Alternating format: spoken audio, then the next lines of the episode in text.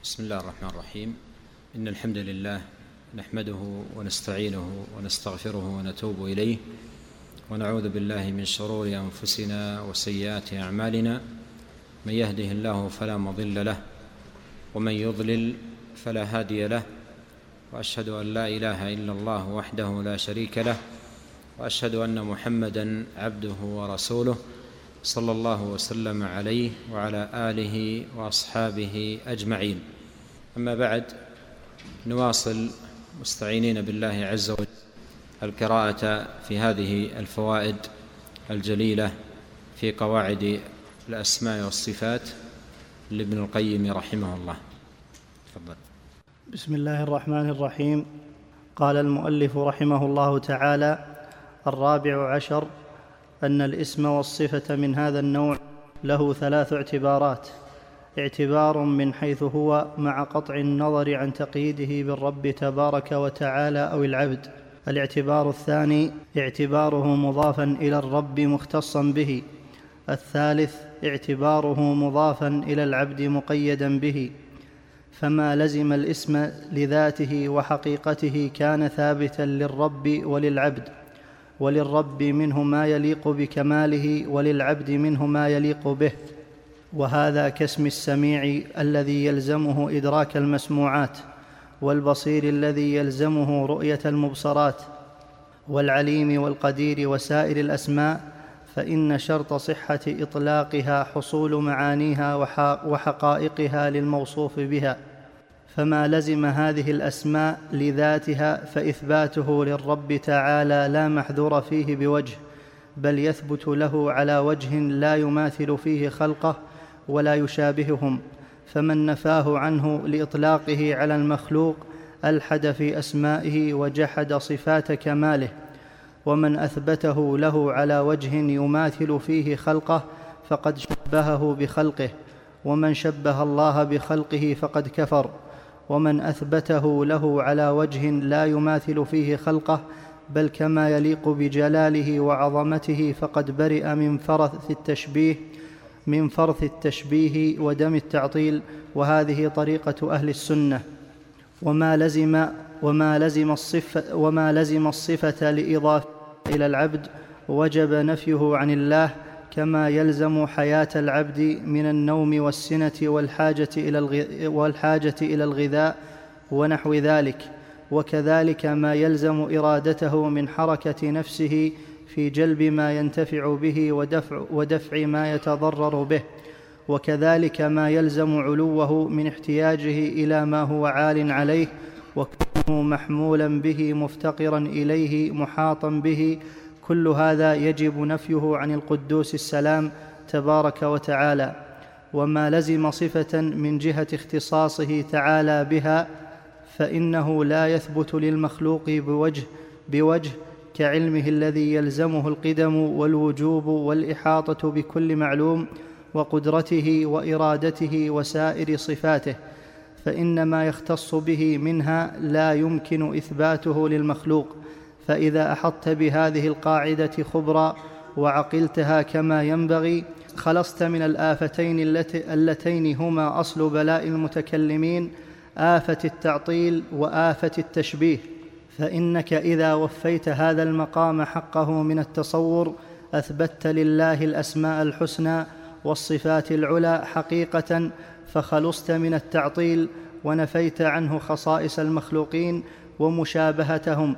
فخلصت من التشبيه فتدبر هذا الموضع واجعله آخيتك التي ترجع إليها في هذا الباب والله الموفق للصواب. ذكر ابن القيم رحمه الله هنا قاعدة عظيمة جدا ومفيدة للغاية لطالب العلم.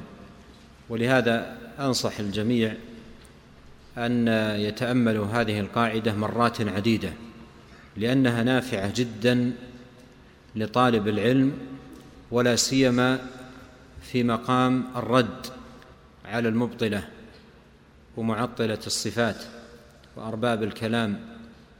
فمن عرف هذه القاعدة وجعلها آخيته كما عبر ابن القيم رحمه الله والآخية هي عود يركز في الأرض ويشد به حبل وتربط به الدابة فإذا تحركت لا تستطيع أن تتحرك إلا في حدود محيط امتداد الحبل أما أبعد من ذلك لا تذهب فإذا جعله العبد آخيته يعني يصبح كل كلامه في هذا الباب يدور حول هذا الأصل وهذا يؤكد أهمية هذا الأصل في هذا الباب العظيم ولا سيما باب الرد على المخالفين ولا سيما الرد على المخالفين.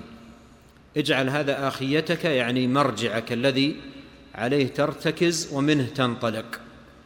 وابن القيم رحمه الله أحسن أيما إحسان في تقرير هذا الأصل وتوضيحه وبيانه فذكر أن للصفة ثلاث اعتبارات. اعتبار من حيث هي اعتبار للصفة من حيث هي بقطع النظر عن إضافتها إلى الرب أو العبد الصفة من حيث هي مثل السمع البصر العلم الإرادة المشيئة. هذه الصفات الآن أطلقت ولم تضف إلى الرب ولم تضف إلى العبد فهذا اعتبار. الاعتبار الثاني اعتبار الصفة من حيث إضافتها إلى الرب سمع الله بصر الله علم الله إرادة الله مشيئة الله إلى آخره. الاعتبار الثالث اعتبار الصفة من حيث إضافتها للعبد سمع العبد علم العبد إرادة العبد قوة العبد وهكذا. فهذه اعتبارات ثلاثة للصفة. وينبغي أن يلاحظ في كل اعتبار من هذه الاعتبارات ما يقتضيه من لوازم ويعطى كل اعتبار منها لوازمة دون خلط في اللوازم. الخلل يأتي متى؟ عندما يخلط بين اللوازم فيجعل لازم الصفة. مثلا باعتبار إضافتها للرب لازما للصفة إذا أضيفت للعبد أو مثلا العكس. فهنا ينشأ الخلل وخلل المتكلمين كما سيأتي إيضاح ذلك ناشئ من هذه الجهة خلط في اللوازم. فأنت إذا عرفت هذه الاعتبارات الثلاث وأعطيت كل اعتبار منها ما يختص به من لوازم. أمنت من الخلل هذا من جهة. ومن جهة ثانية تمكنت أن ترد على من وجد عنده الخلل. لأنك إذا عرفت هذه الاعتبارات الثلاثة آه، لما تستمع لمتكلم أو تقرأ لمتكلم بحكم درايتك بهذه الاعتبارات وما تعنيه وما تقتضيه من لوازم تدرك موطن الخلل.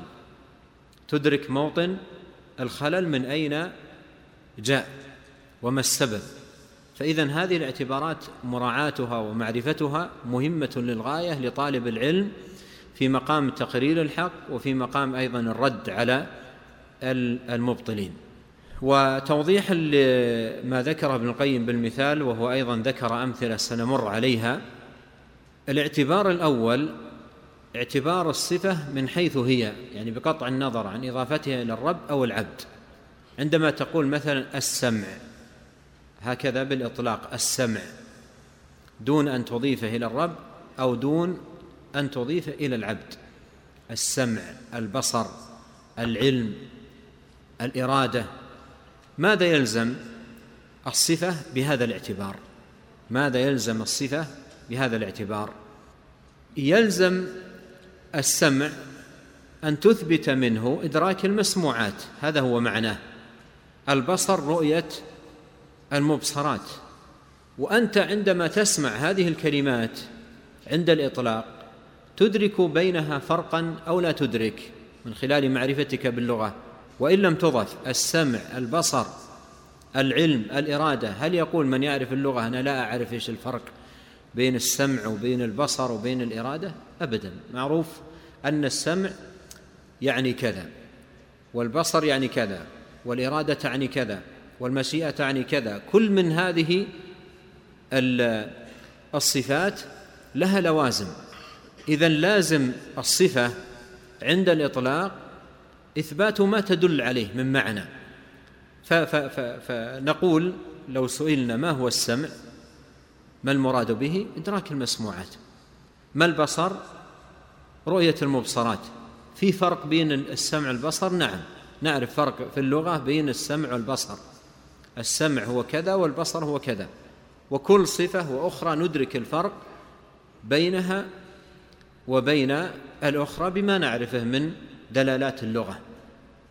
إذا أضيف السمع إلى الله إذا أضيف السمع إلى الله فهو إدراك المسموعات إذا أضيف البصر إلى الله هو رؤية المبصرات إذا أضيف السمع إلى العبد فهو أيضا ماذا؟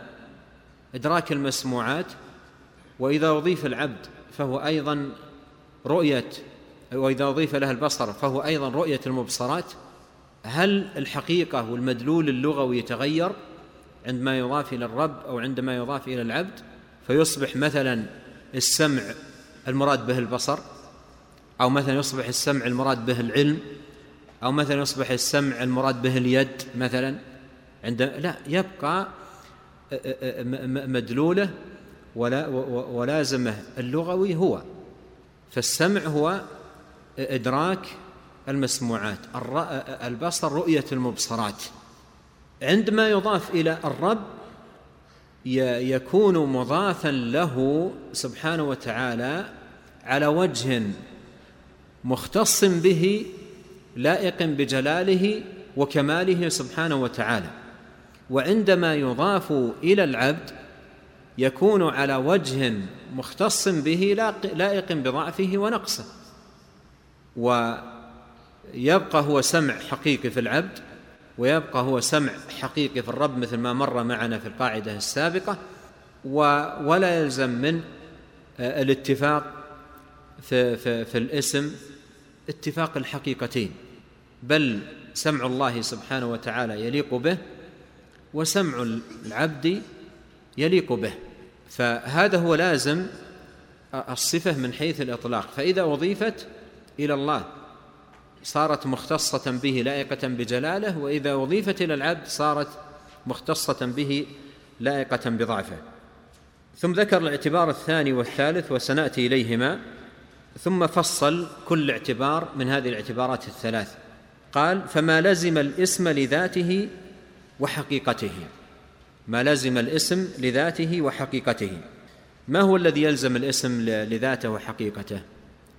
مثل ما ذكرت لكم قبل قليل السمع يلزمه إدراك المسموعات البصر يلزمه إدراك المبصرات. فما لزم الاسم لذاته وحقيقته كان ثابتا للرب وللعبد. واوضحت بشكل واضح ان أن ما يتغير الأمر مثلا عندما يضاف إلى الرب يصبح السمع المراد به الإرادة أو مثلا عندما يضاف إلى العبد يصبح السمع المراد به البصر. ما الحقيقة هي هي نفسها التي يدل عليها المدلول تبقى. المعنى الذي يدل عليه المدلول تبقى لكن الحقيقتين آه، مختلفتين. فما يضاف إلى الله سبحانه وتعالى يخصه ويليق بجلاله وما يضاف إلى العبد يخصه ويليق بنقصه. ولهذا قال ابن القيم موضحا ولرب منه ما يليق بكماله وللعبد منه ما يليق به. مثال قال وهذا كاسم السميع الذي يلزمه إدراك المسموعات والبصير الذي يلزمه رؤية المبصرات المبصرات والعليم والقدير وسائر الأسماء. فإن شرط صحة إطلاقها حصول معانيها وحقائقها للموصوف بها. وإلا أصبحت الفاظا جوفا لا حقيقة لها ولا مدلول. فصحة الإطلاق حصول المعنى والحقيقة الموصوف به. حصول المعنى والحقيقة. المعنى مثل ما ذكرنا في قبل قليل فما لزم هذا الاسم هذه الأسماء لذاتها فإثباته للرب تعالى. لا محذور فيه بوجه بل يثبت له على وجه لا يماثل فيه خلقه ولا يشابههم. هذا هو المناسب وهذه الطريقة الصحيحة في الباب أن يثبت لله سبحانه وتعالى على الوجه اللائق به. وهذه طريقة أهل السنة في هذا الباب. الخطأ الذي يحدث هنا من أهل البدع على نوعين. الخطأ الذي يحدث هنا على نوعين. أشار إلى النوع الأول بقوله فمن نفاه عنه لإطلاقه على المخلوق ألحد في أسمائه وجحد صفات كماله. هذا نوع من الخطأ. ما هو؟ قالوا إن هذه أضيفت للعبد السمع والبصر والعلم ولو أضفناها لله لشبهناه بالعبد. ما المخرج؟ قالوا المخرج ننفيها. المخرج ننفيها. فيقول ابن القيم فمن نفى؟ فمن نفاه عنه لإطلاقه على المخلوق يعني هذا المستند الذي يستندون عليه في النفي ما هو؟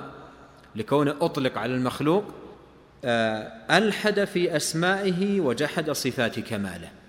والنوع الثاني من الخطأ قال ومن أثبته له على وجه يماثل فيه خلقه فقد شبهه بخلقه ومن شبه الله بخلقه فقد كفر. هذا النوع الثاني من الخطأ. لاحظتم معي أن أن نوعي الخطأ كله ناشئ بسبب الخلل في فهم اللوازم. الخطأ الأول فهموا أن إثبات هذه الصفات لله سبحانه وتعالى على ضوء ما تدل عليه بإطلاقها يقتضي التشبيه. قالوا والله منزه عن التشبيه فالمناسب قالوا أن ننفيها فوقعوا في هذا الخطأ. الآخرون قالوا نحن لا نعرف هذه الصفات السمع البصر إلا ما نراه في, في, في العبد فإضافتها إلى الله هي مثل ما هي موجودة ونراها في العبد ما ثمة أمر آخر. فماذا فعلوا؟ شبهوا. الأولون عطلوا هؤلاء شبهوا. فشبهوا صفة الله سبحانه وتعالى بصفة خلقه تعالى الله عما يقولون. ولهذا لما سئل الإمام أحمد رحمه الله من المشبه؟ قال الذي يقول يد كيدي وسمع كسمعي وبصر كبصري. والله يقول ليس كمثله شيء وهو السميع البصير. ثم ذكر النهج الصواب نهج أهل السنة. قال ومن أثبته لله على وجه لا يماثل فيه خلقه بل كما يليق بجلاله وعظمته فقد برئ من من من الزللين. زلل المعطلة وزلل المشبهة. لكنه عبر بتعبير جميل قال فقد برئ من فرث التشبيه والفرث تعرفونه والدم أيضا تعرفونه. والله عز وجل قال في سورة النحل وإن لكم في الأنعام لعبرة نسقيكم مما في بطونه من بين فرث ودم. لبنا خالصا سائغا للشاربين. فعقيدة أهل السنة والجماعة مثل اللبن الصافي النقي الذي ليس فيه شوائب فليس في عقيدتهم لا فرث التشبيه ولا دم التعطيل. فكل من العقيدتين شبه الأولى بالفرث والأخرى بالدم وعقيدة أهل السنة والجماعة كاللبن الصافي النقي الذي ليس فيه فرث ليس فيه فرث وليس فيه دم. قال وهذه طريقة أهل السنة. ثم انتقل إلى الاعتبار الثاني للصفة وهو اعتبارها مضافة إلى العبد. مضافة إلى العبد. قال وما لزم الصفة لإضافتها إلى العبد وجب نفيه عن الله. السؤال ما الذي يلزم الصفة عندما تضاف إلى العبد؟ ما الذي يلزم الصفة عندما تضاف إلى العبد؟ عندما نقول يد العبد قدم العبد سمع العبد بصر العبد علم العبد ما الذي يلزمها؟ وهي أضيفت إلى إلى إلى الناقص إلى الضعيف. يلزمها النقص والضعف. وذكرت لكم قاعدة قريبا في درس ماضي أن الإضافة تقتضي التخصيص. فالذي يضاف إلى العبد يخصه ويليق به. الذي يضاف إلى العبد يخصه ويليق به. فالذي يلزم الصفة عندما تضاف إلى العبد يجب أن ننزه الله عنه. الذي يلزم الصفة عندما تضاف إلى العبد يجب أن ننزه الله تبارك وتعالى عنه. بالمثال يتضح المقال أمثلة كثيرة لكن أعطيكم مثلين. العلم عندما يضاف إلى العبد ما اللوازم الذي التي تلزمه؟ اقرأها في القرآن. والله أخرجكم من بطون أمهاتكم لا تعلمون شيئا. مسبوق بإيش؟ بجهل. ومنكم من يرد إلى أرذل العمر لكي لا يعلم من بعد علم شيئا. يلحق في الآخر الضعف والنسيان. أيضا في أثناء العلم يعتريه النسيان. ولقد عهدنا إلى آدم من قبل فنسي. في الحديث نسي آدم ونسيت ذريته فأيضا يلحقه نسيان ومع ذلك أيضا هو علم قليل وما أوتيتم من العلم إلا قليلا. لو قال لكم قائل في هذه الأثناء لو أثبتنا العلم لله حقيقة للزم أن يكون علم الله مثل علم العبد. وهذا اللي وهذا الذي يقوله أهل البدع في إنكارهم للصفات. هذا هو الذي يقوله أهل البدع في إنكارهم للصفات لو قال لكم قائل يلزم من إثبات العلم لله حقيقة أن يكون علم الله كعلم العبد كيف تردون عليه؟ تقولون أنت خلطت الآن. العلم الذي يضاف للعبد يلزمه لوازم تختص بالعبد. العلم الذي يضاف إلى العبد يلزمه لوازم تختص بالعبد. لا يجوز بأي حال من الأحوال أن تضاف إلى الرب. فالعلم الذي يضاف إلى العبد يلزمه النقص الضعف بحسب من أضيف إليه. والعلم الذي يضاف إلى الرب سبحانه وتعالى يلزمه الكمال لأنه أضيف إلى إلى الكامل سبحانه وتعالى. علم لا لم يسبقه جهل ولا يلحقه نسيان ولا يعتريه نقص. علم محيط بما كان وبما سيكون وبما لم يكن لو كان يكون. هذا علم علم الله سبحانه وتعالى. فانظروا إلى مكمن الداء وسبب الإشكال الذي دخل فيه أهل البدع فيما دخلوا فيه من باطل وتأويل وتحريف.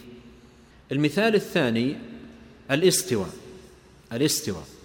عندما يضاف إلى الاستواء إلى العبد استواءه على شيء على كرسي على دابة على سفينة ما الذي يلزم هذا الاستواء؟ قال الله تبارك وتعالى لتستووا على ظهوره. ما هو؟ ما هو اللي قال لتستووا على ظهوره؟ وجعل لكم من الفلك والأنعام. ما تركبون؟ لتستووا على ظهوره أي الفلك والأنعام. الفلك والأنعام. ولهذا ثم تذكروا نعمة ربكم إذا استويتم عليه وتقولوا سبحان الذي سخر لنا هذا. فالعبد يستوي على الفلك. اي يعلو ويرتفع عليه. هذا هو معنى الاستواء ومدلوله. لو رجعنا إلى اعتبار الصفة من حيث الإطلاق وقلت لكم الاستواء من حيث هو بقطع النظر عن إضافته إلى الرب أو العبد ماذا يلزمه؟ العلو والارتفاع. هذا معناه هذا مدلوله في اللغة.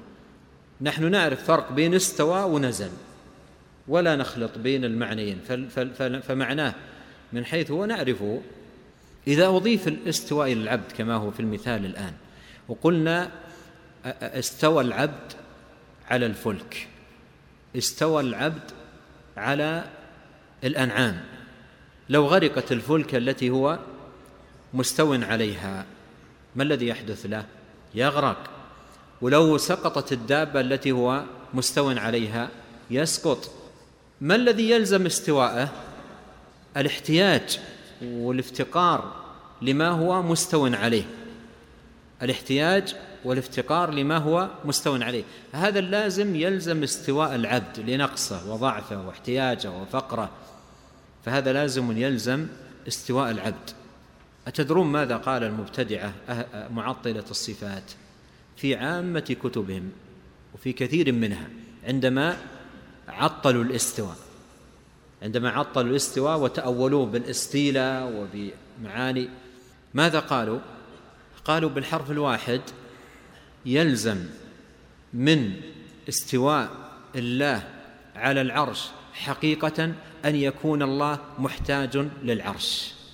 بالحرف الواحد يلزم من استواء الله على العرش حقيقة أن يكون الله محتاج للعرش. ثم بنوا على ذلك أمر آخر قالوا يجب أن ننزه الله عن الاستواء وبدأوا يبحثون معاني يثبتونها للاستواء على خلاف المشهور والمعروف في دلالة الاستواء لغة. ما معناه؟ قالوا استولى استولى على العرش.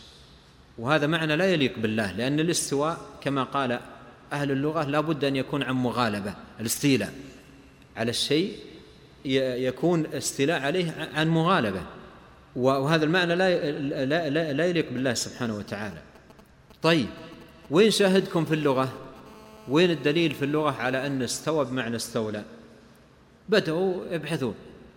وما وجدوا في, في اللغة؟ وفي أشعار العرب وفي دواوينهم ما وجدوا إلا بيت لواحد متأخر في القرن الثاني أو الثالث في القرن الثاني يمدح. بشر بن عبد الملك يقول قد استوى بشر على العراق من غير سيف ولا دم مهراقي استوى على العراق قالوا استولى على العراق. ما, ما وجد إلا هذا البيت. يعني اللي قبل وجود هذا البيت من هذا الشاعر ما عندهم شاهد. في زمن الصحابة وزمن التابعين أوائلهم ما عندهم شاهد. شاهد يستدلون به أو من مع من من كلام العرب ما في شاهد. البيت الشاهد وجد بعد الحديث بسنوات طويلة. في اللي قبل الشاهد هذا ما ما عندهم. لا لا شيء يستندون عليه ولا فإذا ماتوا ما عرفوا هال هالعقيدة. العقيدة هذه ولدت بفتح عظيم عندما وجد البيت التليد هذا. وكل كتبهم التي يقررون فيها هذه العقيدة يستدلون بالبيت مثل ما يستدل أهل السنة بقال الله تعالى آه، ثم استوى على العرش. وربما في كثير من كتبهم تجد البيت ولا تجد الآية. تجد البيت ولا تجد الآية. وأحيانا تجد أن الآية جيء بها لترد. يعني يقرر العقيدة قبل الآية ثم يقال له فإن قيل لك الرحمن على العرش استوى فقل المراد بالاستوى الاستيلاء لقول الشاعر كذا. فالعقيدة قررت قبل الآية. العقيدة قررت قبل الآية. والآية جيء بها لترد. يقول ابن تيمية يأتون بالآية إتيان من قصد ردها أصلا.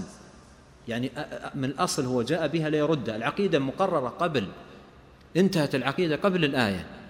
ثم يأتي بالآية يقول لك إن قيل لك كذا. إن قيل لك الرحمن عرش استوى فقل المراد بالاستواء الاستيلاء والدليل قول الشاعر كذا وكذا. أنت الآن لاحظ بداية المشكلة ما هي؟ حتى تعرف قيمة القاعدة التي نحن الآن ندرسها. المشكلة ما هي؟ المشكلة خلط اللوازم. من أين جاءتهم هذه الكلمة التي بكل يعني بكل أريحية خربت عقائدهم وأديانهم. جاءت من, من, من خلط اللوازم. قالوا وهذه تجدها في كثير من كتبهم لو أثبتنا الاستواء لله على العرش حقيقة للزم من ذلك أن يكون الله محتاج إلى العرش. تعالى الله عما يقولون. ما وما قدر الله حق قدره. كيف يقال مثل هذا الكلام في الغني؟ يكفي أن يعلم العبد أنه غني سبحانه وتعالى عمن سواه وأن من سواه محتاج إليه. ولهذا أهل السنة يثبتون الاستواء عن غنى لله. يقول الله مستو على العرش حقيقة كما أخبر وهو غني على العرش وما دونه. وهو الممسك للعرش وما دونه بقدرته. إن الله يمسك السماوات والأرض أن تزولا. فالله سبحانه وتعالى هو الممسك للسماوات والممسك للعرش والممسك لكل شيء. ومن آياته أن تقوم السماء والأرض بأمره. الله لا إله إلا هو الحي القيوم. يا أيها الناس أنتم الفقراء إلى الله والله هو الغني الحميد. فانظر الخلل المتراكم عند عند هؤلاء بسبب يعني عدم فهم هذه اللوازم وبسبب الخلط بينها. قال وما لزم الصفة لإضافتها إلى العبد وجب نفيه عن الله كما يلزم حياة العبد. الآن الحياة أضفها إلى العبد. قل حياة العبد. ما الذي يلزم هذه الحياة؟ سنة نوم موت مرض ضعف كثيرة لوازم. أرأيتم لو أن واحدا من أولئك القوم قال لو أثبتنا لله حياة حقيقة للزم أن يكون محتاجا إلى السنة وإلى النوم وكذا اللوازم المعروفة في العبد. هل في فرق بين هذه المقالة وبين مقالتهم يلزم من استواء الله على العرش أن يكون محتاج إلى العرش؟ في فرق بينه ولا ولا ولا كلها على على نسق واحد؟ وتجد بعضهم يثبت الحياة ولا يثبت مع أن لو أنك ألزمته بطريقته وناقشته بطريقته لا. تبين له الخلل إن كان الله كتب له الهداية. وإلا يبقى على طريقة أشياخه ويقول عنز وإن طارت. يعني عقيدة هي هي وهذا الذي وجدنا عليه أشياخنا وما نناقش ولا. وكثير منهم إذا ألزم ب يعني من إنسان محقق إما أن فعلا يكتب الله له الهداية وإلا يصر على عقيدة الأشياخ كيفما كانت ولا يقبل النقاش وجاء في كتب أهل العلم نماذج من هذا. انتهت النقاشات بينهم أن يقول آه، آه، آه، الخصم حدثنا في غير هذا. يعني شوف لنا موضوع آخر. وهذا حصل في مناقشات ذكرها ابن القيم رحمه الله في الصواعق وذكرها غير من العلم. إذا ألزم بمثل هالإلزامات ما فيه إلا إما أن يرجع ولا يطلب قفل الموضوع وبحيث أنه يبقى على عقيدة الشياخة كما يلزم حياة العبد من النوم والسنة والحاجة إلى الغذاء ونحو ذلك. وكذلك ما يلزم إرادته إرادة العبد من حركة نفسه في جلب ما ينتفع به ودفع ما يتضرر به. هذه كلها لوازم إيش؟ لاحظ معي الآن يقولون الغضب. كيف ردوا الغضب صفة لله؟ غضب الله عليهم قالوا لا أراد أن يعذبهم. بعضهم قالوا غضب الله عليهم أي عذبهم. نحن لا يقول لا نثبت الغضب. الغضب غليان الدم. الغضب غليان الدم. هذا ما هو؟ هذا ما هو؟ غضب المخلوق. خلط باللوازم. ثم يبني على هذا الخلط واللوازم التعطيل والتأويل وركام من الباطل كله ينبني على هذا الخطأ لكن لو أنهم كانوا على على الجادة وأثبتوا ما لله على ما يليق به وما للعبد على ما يليق به انتهت المشكلة. وأنا دائما أقول للإخوان هنا إن, إن يعني كلاما مفيدا. أقول هذه أمراض الآن تشبيه تأويل تعطيل إلى آخر هذه كلها أمراض وجدت. ومعروف ان إن الطبيب لما يأتيه المريض إذا كان فعلا يعني أول ما يبحث أول ما يبحث يبحث عن إيش؟ يشخص إيش الجرثومة الأساس اللي منها جاءت الأمراض هذه. في في جرثومة أساس منها الأمراض تنشأ. فهؤلاء أمراضهم الكثيرة ترجع إلى هذه الجرثومة. ترجع إلى هذه الجرثومة وهي أنهم اللوازم التي تختص الصفة حال إضافتها للعبد يجعلونها لازمة للصفة حال إضافتها إلى الرب. ثم يبنون على ذلك إما التعطيل أو التأويل أو التفويض تفويض أهل البدع كلها مدارس بنيت على هذا الخطأ. آخرون سلكوا مسلكا آخر وسببه هي هذه المشكلة وهم المشبهة. أيضا قالوا مثل قول هؤلاء وبقوا على التشبيه. وقالوا نحن هذه عقيدتنا لأنه هو اللازم ولا نعرف شيء إلا ب... ب... ب... يعني لا نعرف آه، الصفة إلا بهذه الطريقة. فقالوا نحن نثبت لله صفة كصفاتنا. بقوا على التشبيه. وأولئك حاولوا التخلص من التشبيه بماذا؟ بالتعطيل وبالمناهج الكثيرة التي وجدت تأويل تحريف تفويض للمعاني إلى غير ذلك من الباطل. فيقول رحمه الله وكذلك ما يلزم علوه من هو؟ واحد من الإخوان يقول عز وجل وكذلك ما يلزم علوه من احتياجه إلى ما هو عال عليه. من احتياجه إلى ما هو عال عليه. من هو؟ العبد. وكذلك ما يلزم علوه من احتياجه إلى ما هو عال عليه وكونه محمولا به مفتقرا إليه محاطا به. هذا لازم من؟ العبد. لما تقول استوى الرحمن عرش استوى هل أنت يا صاحب السنة تخطر بالك هذه؟ لا والله. ولا يجوز أن تخطر في بالك. الذي يضاف إلى الله سبحانه وتعالى شيء آخر. يليق يليق بالله سبحانه وتعالى. يخصه يليق بجلاله وكماله. الافتقار في العبد. أما الله سبحانه وتعالى غني من كل وجه. والعبد فقير إلى الله من كل وجه. فكيف تجعل هذه الصفات التي هي صفات الافتقار التي هي صفات للعبد صفات للرب تعالى الله سبحانه وتعالى عما يقولون. هذا الأمر الثاني الاعتبار الثاني. الاعتبار الثالث آه، لازم الصفة من جهة اختصاصه تعالى بها. من جهة اختصاصه تعالى بها. فإنه لا يثبت للمخلوق بوجه. عندما نقول علم الله علم الله هذا العلم مختص بمن؟ بالله سبحانه وتعالى. لا يجوز بوجه أن يثبت للعبد.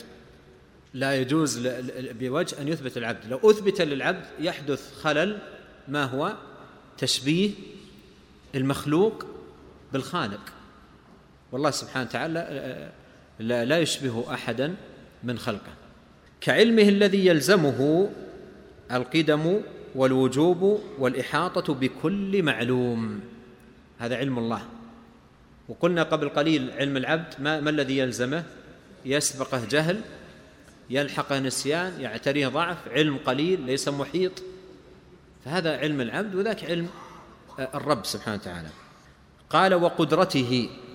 قدرته معطوفة على إيش؟ على علمه كعلمه وقدرته. وقدرته وإرادته وسائر صفاته فان ما يختص به منها لا يمكن إثباته للمخلوق. لا لا يمكن إثباته للمخلوق. الآن لو قلت لكم على ضوء ما درسنا الآن إن العلماء يقولون آه، التشبيه نوعان. التشبيه نوعان. تشبيه للخالق بالمخلوق وتشبيه للمخلوق بالخالق.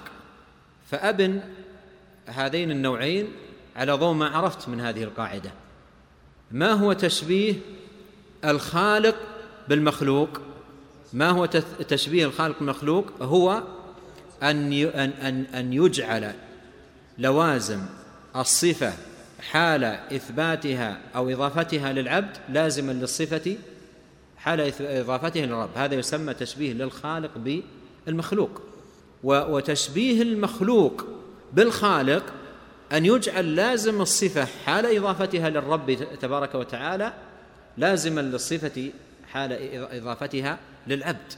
ولهذا قال العلماء التشبيه نوعان وأيضا قالوا لا يشبه أحدا من خلقه ولا يشبهه أحد, من خلقه.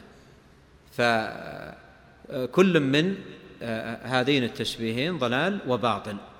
لما ذكر ابن القيم رحمة الله عليه القاعدة ووضحها بالمثال أراد أن يبين أهميتها.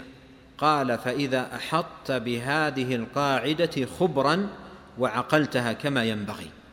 لاحظ الفائدة التي ستأتيك الآن. إذا حط بها خبرا متى تحيط بها خبرا؟ إذا عرفت هذه الأنواع الثلاثة وعرفت ما يلزم كل نوع وأخذت عليها بعض الأمثلة تكون عرفتها. وباب الأسماء والصفات كما قال العلماء واحد. القول في بعض الصفات كالقول في بعض الآخر. فأنت إذا عرفت القاعدة وعرفت بعض الأمثلة تمشي في كل الصفات على آه، نفس الطريقة. قال فإذا حط بهذه القاعدة خبرا وعقلتها كما ينبغي خلصت من الآفتين. اللتين هما أصل بلاء المتكلمين آفة التعطيل وآفة التشبيه. فإنك إذا وفيت هذا المقام حقه من التصور اثبتت لله الأسماء الحسنى والصفات العلى حقيقة فخ فخ فخلصت من التعطيل فخلصت من التعطيل. إذا اثبتت لله الأسماء الحسنى والصفات العلى حقيقة خلصت من التعطيل. ونفيت عنه خصائص المخلوقين ومشابهتهم فخلصت من التشبيه. تخرج من الآفتين بهذه الطريقة. فتدبر هذا الموضع. واجعله آخيتك التي ترجع إليها في هذا الباب والله الموفق للصواب. قاعدة عظيمة جدا وهي من أنفس القواعد التي أوردها ابن القيم رحمه الله في في هذه الفوائد. هل هي واضحة ولا غير واضحة؟ أنا أعرف أني إذا شرحت الشيء أزيده غموضا ولكن لعلها إن شاء الله تكون يعني ابن القيم وضحها وضرب عليها أمثلة وربما أنني بالشرح فوت عليكم الفائدة. نعم. قال المؤلف رحمه الله تعالى الخامس عشر أن الصفة متى قامت بموصوف لزمها أربعة أمور أمران لفظيان وأمران معنويان فاللفظيان ثبوتي وسلبي فالثبوتي أن يشتق, للموصوف أن, أن يشتق للموصوف منها اسم والسلبي أن يمتنع الاشتقاق لغيره. والمعنويان ثبوتي وسلبي فالثبوتي أن يعود حكمها إلى الموصوف ويخبر بها عنه والسلبي ألا يعود حكمها إلى غيره ولا يكون خبرا عنه وهي قاعدة عظيمة في معرفة الأسماء والصفات. فلنذكر من ذلك مثالا واحدا وهو صفة الكلام. فإنها إذا قامت بمحل كان هو المتكلم دون من لم تقم به وأخبر عنه بها وعاد حكمها إليه دون غيره. فيقال قال وأمر ونهى ونادى وناجى وأخبر وخاطب وتكلم وكلم ونحو ذلك. وامتنعت هذه الأحكام لغيره فيستدل بهذه الأحكام والأسماء على قيام الصفة به وسلبها عن غيره على عدم قيامها به وهذا هو أصل السنة الذي ردوا به على المعتزلة والجهمية وهو من أصح الأصول طردا وعكسا. ثم ذكر ابن القيم رحمه الله هذه القاعدة عقب القاعدة السابقة لأنها متممة لها ومرتبطة بها. وهي تتعلق بما يلزم آه، الصفة في من قامت به. فيقول رحمه الله الصفة متى قامت بموصوف لزمها أمور أربعة. لزمها أمور أربعة. متى قامت الصفة بموصوف لزمها أمور أربعة. أمران لفظيان وأمران معنويان. يعني أمران يتعلقان باللفظ وأمران يتعلقان بالمعنى. أمران لفظيان وأمران معنويان. قال آه الأمران المتعلقان باللفظ ثبوتي وسلبي. فاللفظيان ثبوتي وسلبي. ثم قال والمعنويان ثبوتي وسلبي. إذن عندنا أربعة أمور تلزم آه، الصفة متى قامت بالموصوف. تلزم الصفة متى قامت موصوف أمران يتعلقان باللفظ وأمران يتعلقان بالمعنى الذي دلت عليه الصفة. الأمران آه، المتعلقان باللفظ أحدهما ثبوتي والآخر سلبي والأمران المتعلقان بالمعنى أحدهما ثبوتي والآخر سلبي. ابن القيم ضرب مثال أنا أضرب مثالا قبل مثاله ثم ندخل في في مثاله من باب زيادة التوضيح. العلم هذه الصفة. العلم صفة. آه، إذا أضيفت إلى الله وقلنا علم الله. إذا أضيفت إلى الله وقلنا علم الله. وعرفنا سابقا الإضافة تقتضي التخصيص علم الله. فأضيفت إلى الله. ما الذي يلزم؟ لاحظ القاعدة يلزم أمور أربعة. أمران يتعلقان باللفظ وأمران يتعلقان بالمعنى وكل منهما ثبوتي وسلبي. آه، الثبوتي أن يشتق للموصوف منه اسم. نقول الله عليم. الله عليم. والمعنوي أنتقل إليه والمعنوي اللي هو ثبوتي آه، آه، قال الثبوت أن يعود حكمها إلى الموصوف ويخبر بها عنه. ماذا نقول؟ يعلم. الله سبحانه وتعالى يعلم. وعلم يعلم ما كان وما سيكون وما لم يكن لو كان كيف يكون. فنثبت الاسم العليم ونثبت الحكم آه، يعلم وعلم. نثبته لله سبحانه وتعالى. ومثل ما سيأتيكم هناك في الكلام نثبت الاسم متكلم ونثبت الحكم أمر ونهى وأخبر كلها مضافة إلى من؟ إلى المتكلم الذي قام به الكلام. فاذا هذان أمران ثبوتيان نثبتهما. أحدهما يتعلق باللفظ فنثبت منه اسم والآخر يتعلق بالمعنى فنثبت منه حكم العلم علم يعلم. نثبت العلم إن الله علم ويعلم وعلم ما كان وما سيكون إلى آخره. آه، وأمران سلبيان. أحدهما يتعلق باللفظ والآخر يتعلق بالمعنى. الذي يتعلق باللفظ أن يمتنع الاشتقاق لغيره. لو قال قائل آه، آه، فلان عليم فلان عليم الآن اشتقاق اسم التعليل قال لأن الله قام به صفة العلم. هذا هذا هذا صحيح أو باطل؟ باطل. لماذا؟ لماذا؟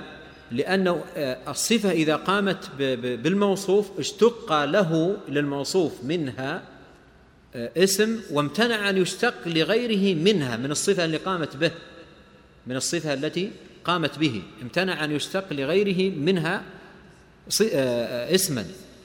هذا يتعلق باللفظ.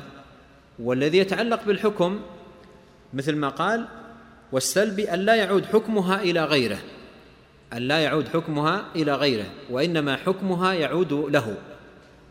فمثلا العلم القائم بالله ما يقال في بيان أو التعبير عنه علم فلان وعلم زيد والمراد علم من؟ علم الرب لأنه يمتنع أن يضاف حكم الصفة المضافة إلى الله إلى غيره سبحانه وتعالى. فهذا تمثيل لهذا الأمر بالعلم وابن القيم مثل بالكلام قال وهي قاعدة عظيمة في معرفة الأسماء والصفات فلنذكر من ذلك مثالا واحدا وهو صفة الكلام وهو صفة الكلام فإنها إذا قامت بمحل إذا قامت بمحل كان هو المتكلم إذا قامت بمحل كان هو المتكلم دون من لم تقم به كان هو المتكلم أي بهذا الكلام دون من لم تقم به. فيشتق لمن قامت به هذه الصفة منها اسم الله فيقال متكلم. لكن هل يجوز أن نشتق لغيره من صفته هو اسما؟ هل يجوز أن نشتق لغيره من صفته هو اسما؟ فنقول مثلا آه، زيد ذو خلق. ونبني ذلك على ما رأيناه من الخلق في عمر.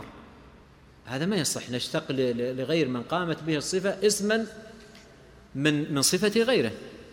فإذا يثبت له أو يشتق له منها اسم ويمتنع ماذا؟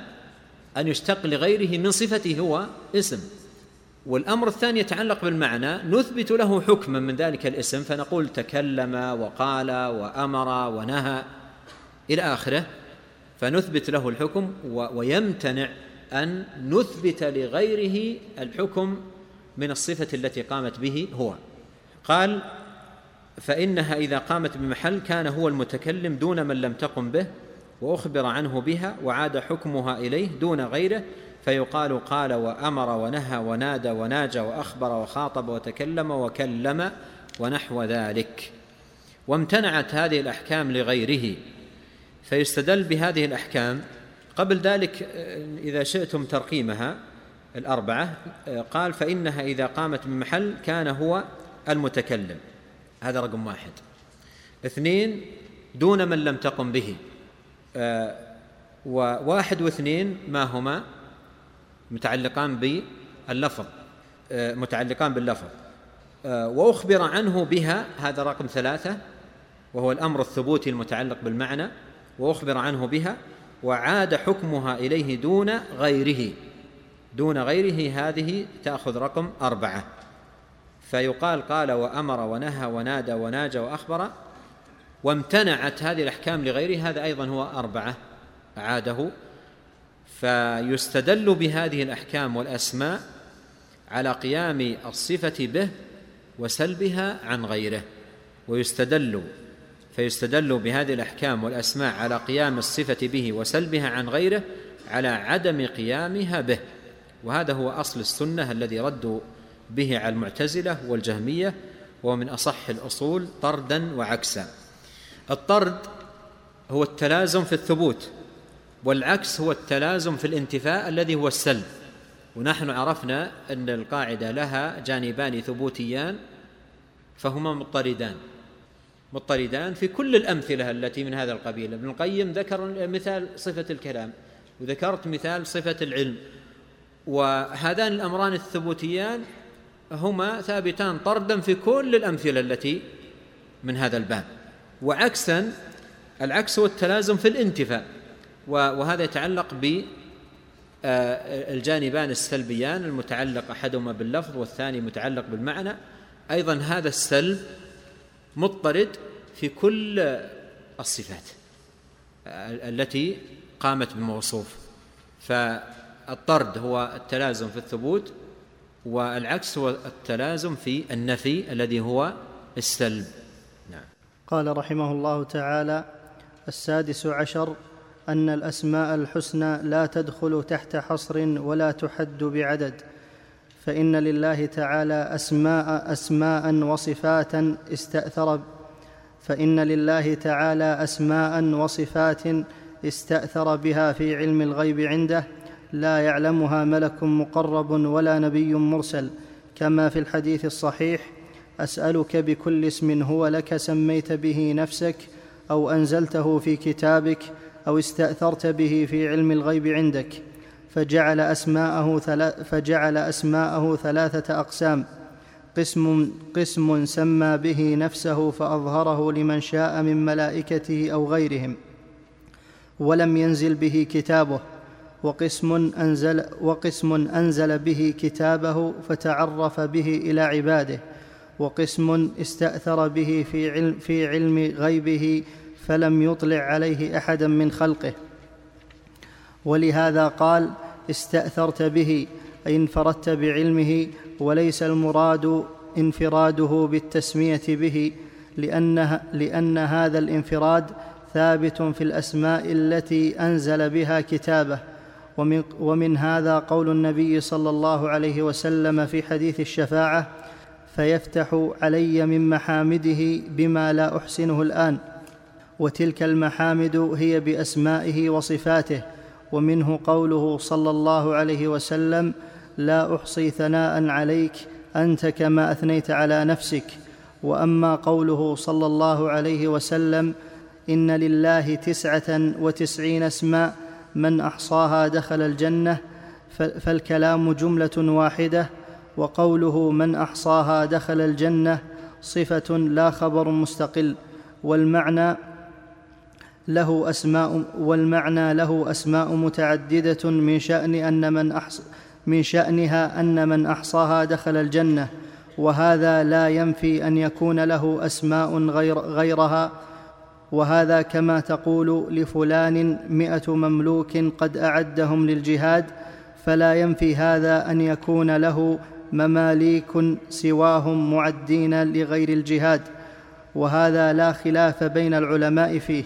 ثم ذكر ابن القيم رحمه الله هنا هذه القاعدة وهي أن أسماء الله لا تدخل تحت حصر ولا تحد بعدد يعني ليست محصورة في عدد معين لا تسعة وتسعين ولا أكثر ولا أقل ليست محصورة في عدد معين. آه هذه القاعدة أسماء الله ليست محصورة في عدد معين. ما, ما الدليل؟ الآن ذكر القاعدة. ما الدليل؟ ذكر لها هنا ثلاث أدلة من السنة. لا ذكر لها ثلاث أدلة من السنة. الدليل الأول حديث ابن مسعود وبدأه بمقدمة. قال فإن لله تعالى اسماء وصفات استأثر بها في علم الغيب عنده. لا يعلمها ملك مقرب ولا نبي مرسل. كما في الحديث الصحيح أسألك بكل اسم هو لك سميت به نفسك أو أنزلته في كتابك أو استأثرت به في علم الغيب عندك. إذن آه، القاعدة أسماء الله غير محصورة في عدد معين. الدليل الأول حديث ابن مسعود الشاهد منه أو استأثرت به في علم الغيب عندك. إذن لله تبارك وتعالى أسماء استأثر بها في علم الغيب عنده. فهذا دليل واضح أن أسماء الله ليست محصورة في عدد معين. وضح ابن القيم الدليل قال فجعل أسماءه ثلاثة أقسام قسم سمى به نفسه فأظهره لمن شاء من ملائكته أو غيرهم ولم ينزل به كتابه. هذا أول. والثاني قسم أنزل به كتابه فتعرف به إلى عباده. وقسم ثالث استأثر به في علم غيبه فلم يطلع عليه أحدا من خلقه.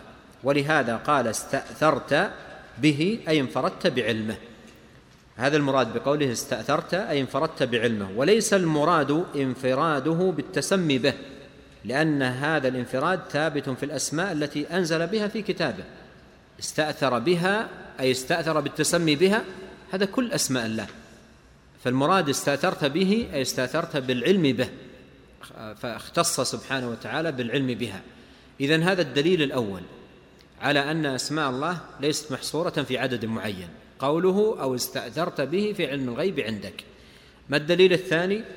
قال تضعون هنا رقم اثنين ومن هذا قول النبي صلى الله عليه وسلم في حديث الشفاعة فيفتح فيفتح علي أي الله من محامده بما لا أحسنه الآن. متى هذا الفتح؟ يوم القيامة.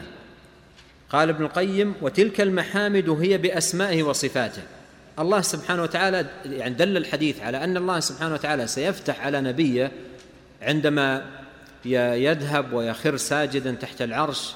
يعلمه الله في في في ذلك الأثناء محامد من اسمائه وصفاته يحمد الله بها ثم يقول الله له ارفع رأسك وسل تعطى واشفع تشفع. اذا قوله فيفتح علي من محامده بما لا أحسنه الآن. بما لا أحسنه الآن. يعني ليست موجودة.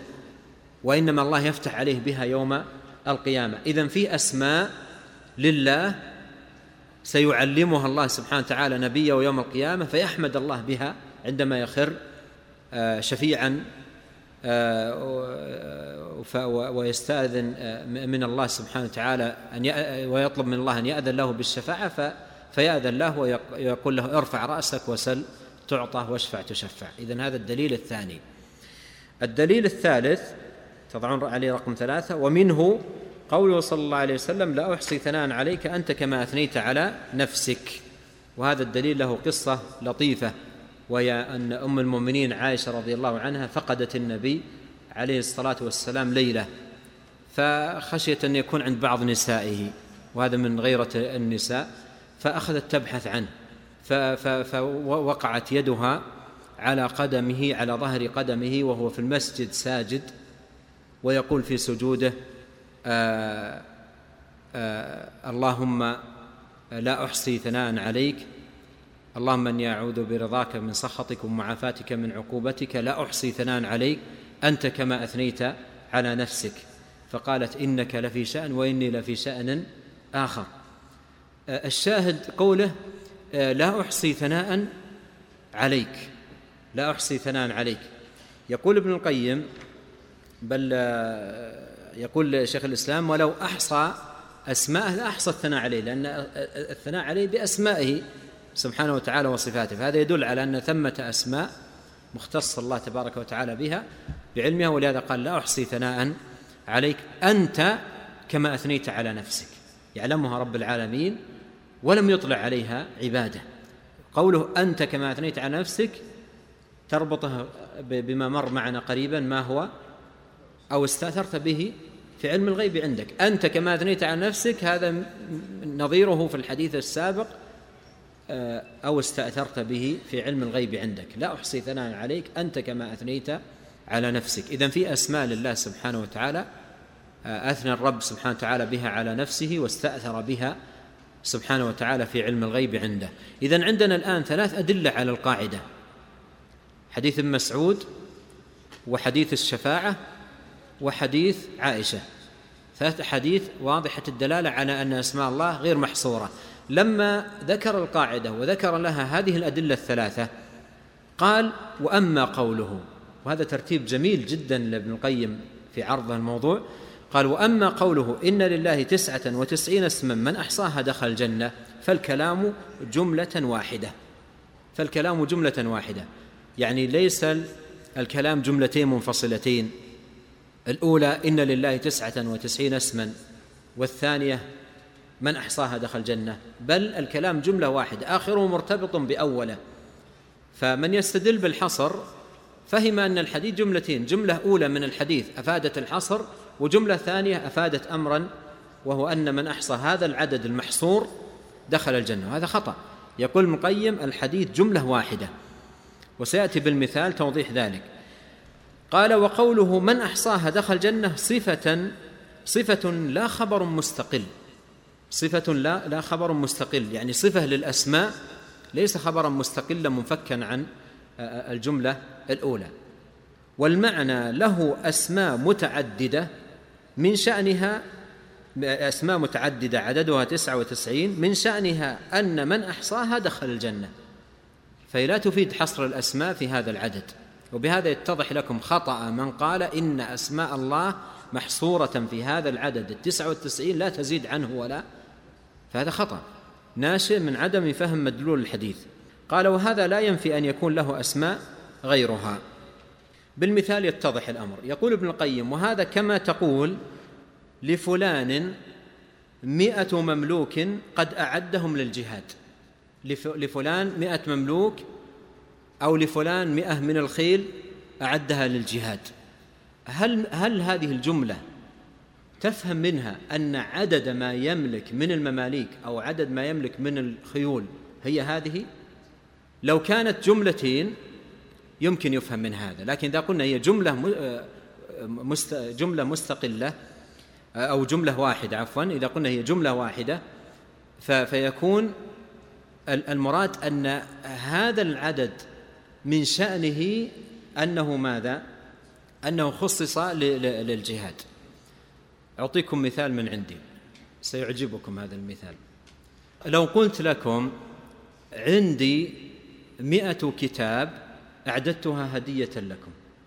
عندي مئة كتاب أعددتها هدية لكم. هل هذه الجملة تفهمون منها أن الموجود في مكتبتي مئة كتاب فقط؟ وإلا واضح من الكلام أن, أن المراد أن المخصص هدية لكم والشوق الآن ها؟ المخصص لكم عدده مئة وإلا المكتبة فيها الحمد لله يعني كتب أكثر من مئة بقليل. فعندي مئة كتاب أعددتها هدية لكم عندي مئة كتاب أعددتها هدية لكم هذا لا يفهم من أنني لا أملك إلا هذا العدد. والجملة واضحة واضحة تماما. إن لله تسعة وتسعين اسما مئة إلا واحد. من أحصاها دخل الجنة؟ هذه جملة واحدة. يعني من شأن هذه الأسماء التسعة والتسعين من شأن هذه الأسماء التسعة والتسعين أن من أحصاها دخل الجنة. آه، ندخل في القاعدة الجديدة. هذا مثال. ضربته كثيرا. ولا ولم يأخذوا نواصل أحسن. تسمح لنا نواصل. أنا ما أريد أفتح باب الأسئلة الآن. نعم. قال رحمه الله تعالى السابع عشر أن أسماءه تعالى منها ما يطلق عليه مفردا ومقترنا بغيره وهو غالب الأسماء كالقدير والسميع والبصير والعزيز والحكيم. وهذا يسوغ أن يدعى به مفردا ومقترنا بغيره فتقول يا عزيز يا حليم يا غفور يا رحيم. وأن يفرد كل اسم وكذلك في الثناء عليه والخبر عنه والخبر عنه به يسوغ لك الإفراد والجمع ومنها ما لا يطلق عليه بمفرده بل مقرونا بمقابله كالمانع والضار والمنتقم فلا يجوز أن يفر فلا يجوز أن يفرد هذا عن مقابله فإنه مقرون بالمعطي والنافع والعفو. فهو المعطي المانع الضار النافع المنتقم العفو المعز المذل. لأن, الكم لأن الكمال في اقتران كل اسم من هذه بما يقابله لأنه يراد به أن لأنه يراد به أنه المنفرد بالربوبية وتدبير الخلق والتصرف فيهم عطاء ومنعا ونفعا وضرا وعفوا وانتقاما. وأما أن يثنى عليه بمجرد المنع والانتقام والإضرار فلا يسوغ فهذه الأسماء المزدوجة تجري فهذه الأسماء المزدوجة تجري الأسماء منها مجرى الاسم الواحد الذي يمتنع فصل بعض حروفه عن بعض فهي وإن تعددت فهي وإن تعددت جارية مجرى الاسم الواحد ولذلك لم تجيء مفرد مفردة ولم تطلق عليه إلا مقترنة فاعلم. فلو قلت يا مذل يا ضار يا مانع وأخبرت بذلك لم تكن مثنيا عليه ولا حامدا له حتى تذكر مقابلها. وهذه قاعدة مفيدة وهي واضحة. آه، أسماء الله تعالى منها ما يطلق عليه مفردا ومقترنا بغيره. منها ما يطلق عليه مفردا ومقترنا بغيره. وهو غالب الأسماء كالقدير والسميع والبصير والعزيز والحكيم إلى آخره. فهذه يسوق يسوغ أن يدعى بها مفردا ومقترنا يعني مفردا تنادي يا سميع. ويسوق أن أن تنادي بهذا الاسم مقترنا بغيره يا سميع يا بصير. أو مثلا تخبر عنه به مفردا بهذا الاسم مفردا إن الله سميع وهو السميع. وأن تخبر عنه أيضا مقترنا بغيره وهو السميع البصير. وهذا كما يقول ابن القيم ابن القيم غالب الأسماء.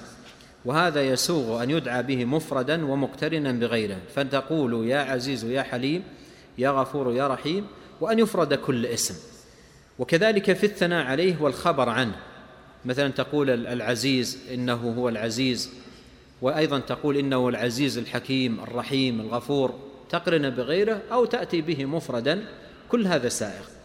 سواء في الطلب الدعاء أو في الإخبار. ومنها وهذا القسم الثاني يعني هي قسمين ممكن تضعون على منها الأولى رقم واحد ومنها الثانية رقم اثنين ومنها ما لا يطلق عليه بمفرده بل مقرونا بمقابله.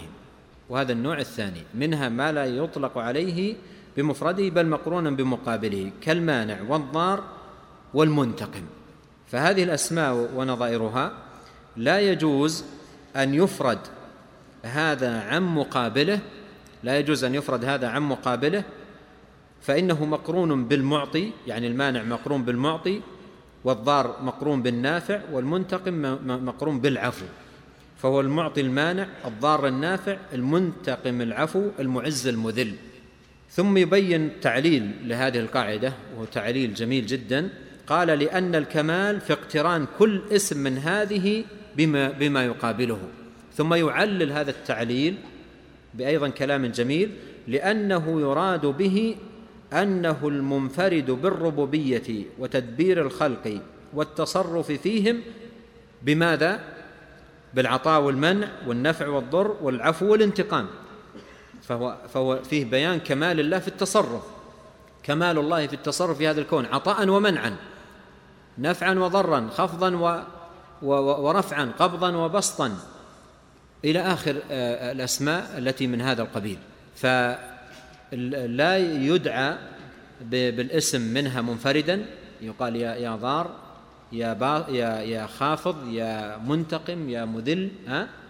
ولا أيضا يخبر عنه به مفردا يقال آه، هو المنتقم هو آه، الضار هو المانع بل لا بد أن يؤتى به مقرونا بمقابله. قال فهذه الأسماء المزدوجة تجري الأسماء منها مجرى الاسم الواحد يعني كأن اسم واحد. ومثل لمزيد من التوضيح قال مجرى الاسم الواحد الذي يمتنع فصل بعض حروفه من بعض فهي مجرى الاسم الواحد. فهي وإن تعددت جارية مجرى الاسم الواحد ولذلك لم تجيء مفردة ولم تطلق عليه إلا مقترنة فاعلمه. فاعلمه. نسختي مكتوب فاعمله خطأ. أنتم عندكم فاعلمه. فلو قلت يا مذل يا ضار يا مانع وأخ... آه هذا خطأ لأنه دعاء بها يعني مفردة وهو لا يصح. وأخبرت بذلك كيف أخبرت؟ قلت هو الضار المانع هو الضار المانع الخافض المنتقم. أيضا هذا خطأ. فلو دعوت أو أخبرت لم تكن مثنيا عليه ولا حامدا له حتى تذكر مقابلها. واضحة جدا نعم. قال رحمه الله تعالى الثامن عشر أن الصفات ثلاثة أنواع صفات كمال وصفات نقص وصفات لا تقتضي كمالا ولا نقصا. وإن كانت القسمة التقديرية تقتضي قسما رابعا وهو ما يكون كمالا ونقصا باعتبارين والرب تعالى منزه عن الأقسام الثلاثة وموصوف بالقسم الأول وصفاته كلها صفات كمال محض فهو موصوف من الصفات بأكملها وله من الكمال أكمله وهكذا اسماؤه وهكذا أسماؤه الدالة على صفاته هي أحسن الأسماء وأكملها وأكملها. فليس في الأسماء أحسن منها ولا يقوم غير غيرها مقامها ولا ولا يؤدي معناها. وتفسير الاسم منها بغيره ليس تفسيرا بمرادف محض بل هو على سبيل التقريب والتفهيم. إذا عرفت هذا, إذا عرفت هذا فله سبحانه من كل صفة كمال أحسن اسم وأكمله وأتمه معنى وأبعده وأنزهه عن شائبة عيب أو نقص. فله من صفات الإدراكات العليم الخبير دون العاقل الفقيه والسميع البصير دون السامع والباصر والناظر. ومن صفات, الأحس ومن صفات الإحسان البر الرحيم الودود دون الرفيق والشفوق ونحوهما. وكذلك العلي العظيم دون الرفيع الشريف وكذلك الكريم دون وكذلك الكريم دون السخي والخالق البارئ المصور دون الفاعل الصانع المشكل والغفور العفو دون الصفوح الساتر. وكذلك سائر أسمائه تعالى يجري على نفسه منها أكملها وأحسنها وما لا يقوم غيره مقامه.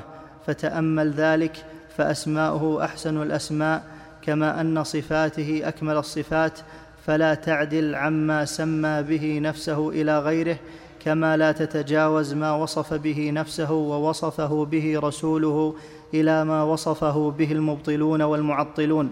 ثم ذكر ابن القيم رحمه الله هذه القاعدة وجاء للحديث عنها مناسبة سابقة وأشرت إلى أن الصفات أنواع. صفات كمال وصفات نقص وصفات لا تقتضي كمالا ولا نقصا. وقال القسمة التقديرية تقتضي قسما رابعا وهو ما يكون كمال كمالا ونقصا باعتبارين. لما ذكر ابن القيم هذه الأقسام الأربعة قال والرب منزه عن الأقسام الثلاثة وموصوف بالقسم الأول وصفاته كلها صفات كمال محض فهو موصوف من من الصفات بأكملها وله من من الكمال أكمله. فأراد ابن القيم بذكر هذا التقسيم حتى يعرف المسلم وطالب العلم صفات الله تبارك وتعالى أنها لا تكون إلا من الصفات الكاملة التي لا نقص فيها. أما الصفة التي هي صفة نقص أو الصفة التي تحتمل نقصا وكمالا أو لا تحتمل لا كمالا ولا نقصا فهذه الثلاثة كلها لا تدخل في أوصاف الله وإنما أوصاف الله تبارك وتعالى هي الأوصاف الكاملة. وكنا عرفنا أيضا أن الصفة المحتملة لكمال ونقص لا تنفى بالإطلاق ولا تثبت بالإطلاق وإنما يثبت لله سبحانه وتعالى منها الكمال وما يليق به. قال وهكذا أسماؤه الدالة على صفاته هي أحسن الأسماء وأكملها فليس في الأسماء أحسن منها ولا يقوم غيرها مقامها ولا يؤدي معناها. وتفسير الاسم منها بغيره ليس تفسيرا بمرادف محض بل هو على سبيل التقريب والتفهيم. على سبيل التقريب والتفهيم. عندما يوضح اسم بلفظ آخر. مثلا الكريم. الكريم اسم من أسماء الله. فقال أحد الكريم المعطي. المعطي مثلا.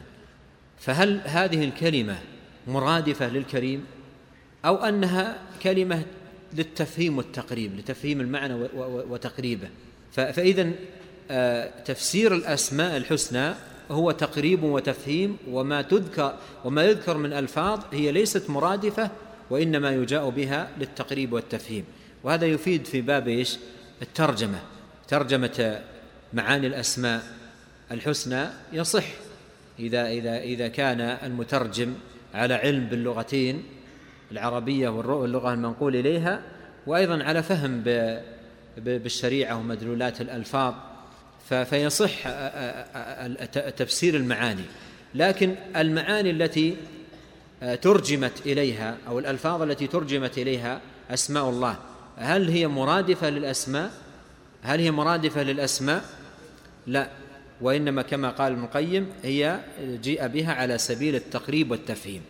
فالترجمة هي تقريب وتفهيم وليس وليست الألفاظ آه، المترجم إليها آه، رديفا أو مرادفة لأسماء الله الحسنى.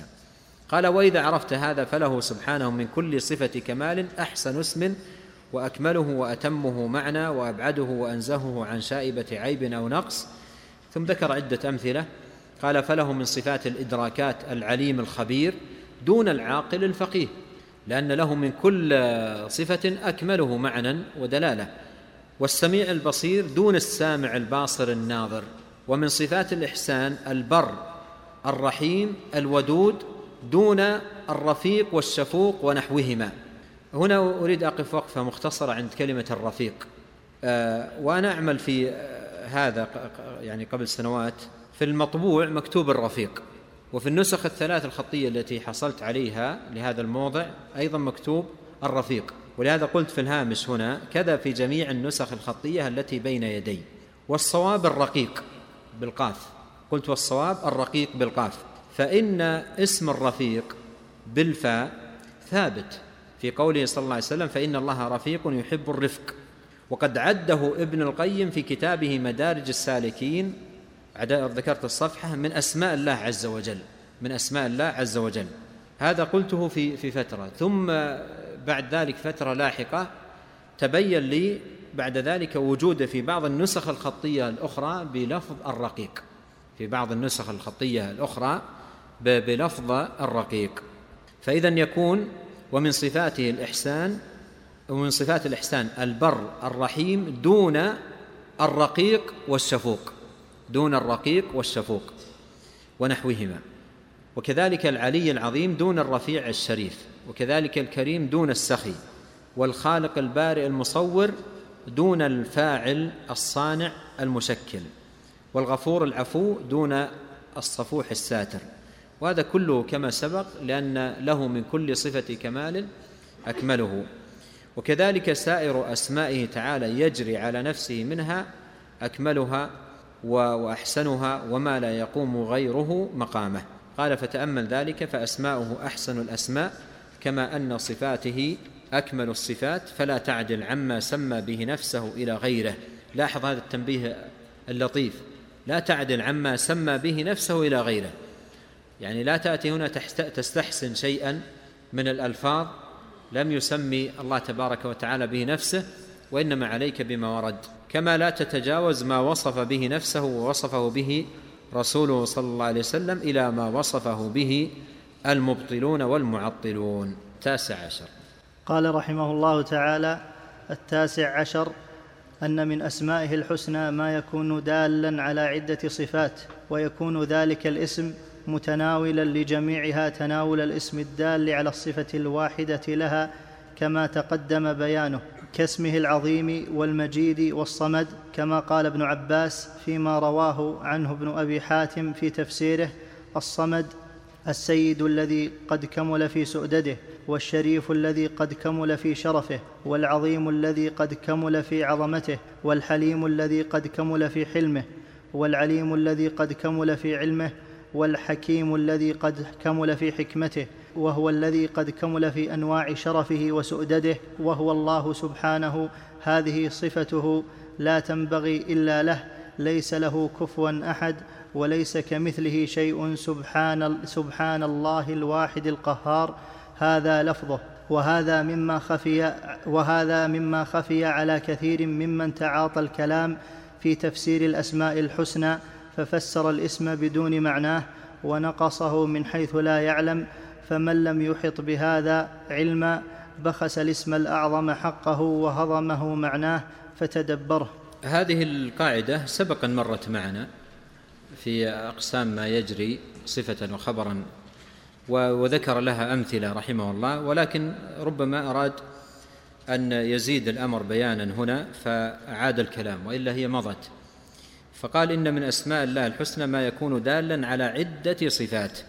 ويكون ذلك الاسم متناولا لجميعها تناول الاسم الدال على الصفة الواحدة لها.